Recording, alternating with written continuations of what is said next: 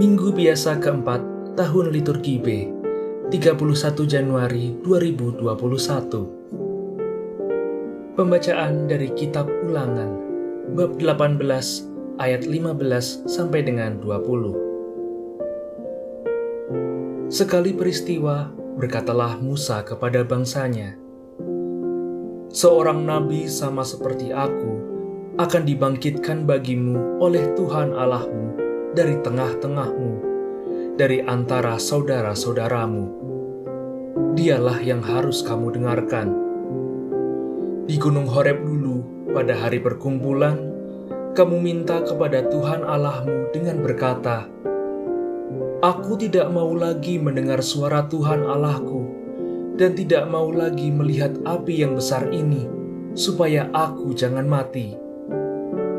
Lalu berkatalah Tuhan kepadaku, "Apa yang dikatakan mereka itu baik.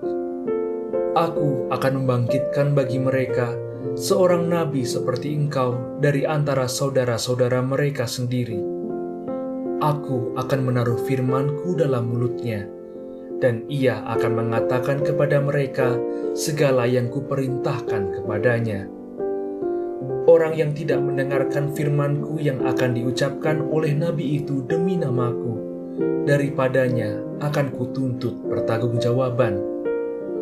Tetapi seorang nabi yang berani mengucapkan demi namaku perkataan yang tidak kuperintahkan, atau yang berkata demi Allah lain, nabi itu harus mati.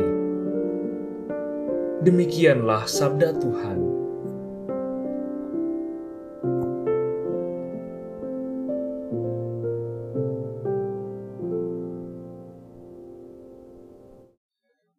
Pembacaan dari surat pertama Rasul Paulus kepada jemaat di Korintus bab 7 ayat 32 sampai dengan 35. Saudara-saudara, aku Paulus ingin supaya kamu hidup tanpa kekhawatiran.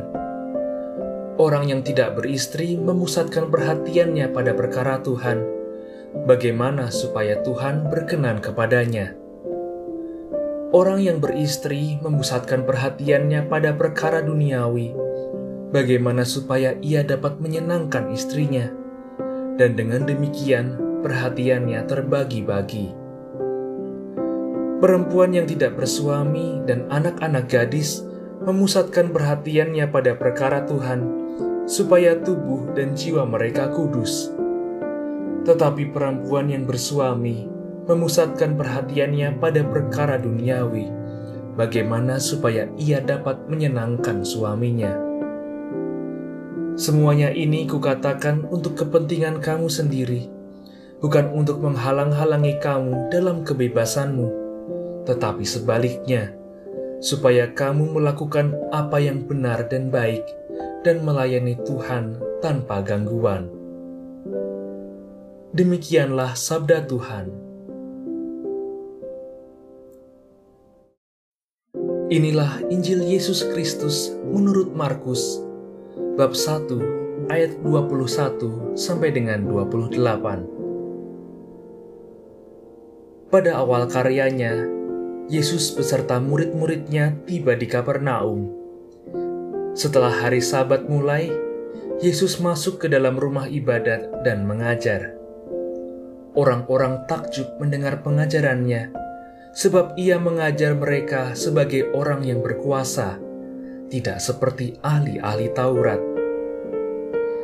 Pada waktu itu, di dalam rumah ibadat itu ada seorang yang kerasukan roh jahat orang itu berteriak, "Apa urusanmu dengan kami, hai Yesus orang Nazaret? Engkau datang hendak membinasakan kami. Aku tahu siapa engkau, yakni yang kudus dari Allah." Tetapi Yesus menghardiknya, katanya, "Diam, keluarlah daripadanya." Roh jahat itu menggoncang-goncang orang itu, dan sambil menjerit dengan suara nyaring, ia keluar daripadanya.